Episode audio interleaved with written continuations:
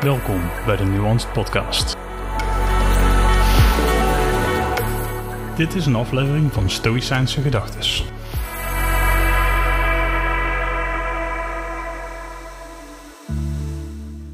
Dingen gebeuren in training.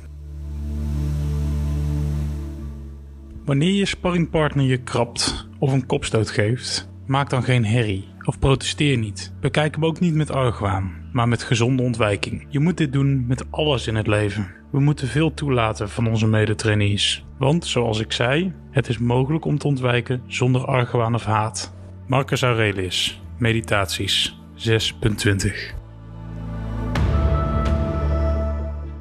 Door de gebeurtenissen van iedere dag te zien als een vorm van training, dan ogen de belangen ineens een stuk lager.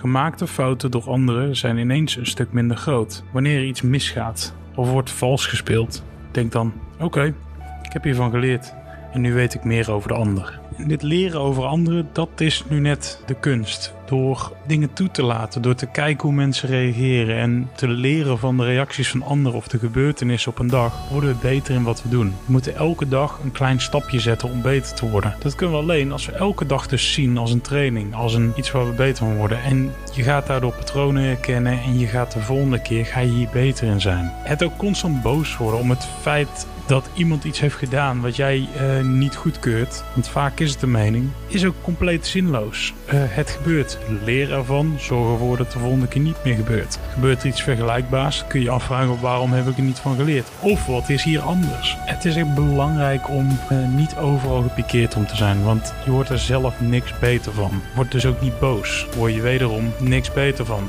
Ja, moment van boosheid hoort erbij. Gebruik dat. Maar blijf niet boos. Je wordt, wordt er, zoals ik al zei, niks beter van. Het advies om elke dag te zien als een training is dus een hele sterke. Want de belangen worden er minder groot van. En je bent duidelijk aan jezelf aan het werken.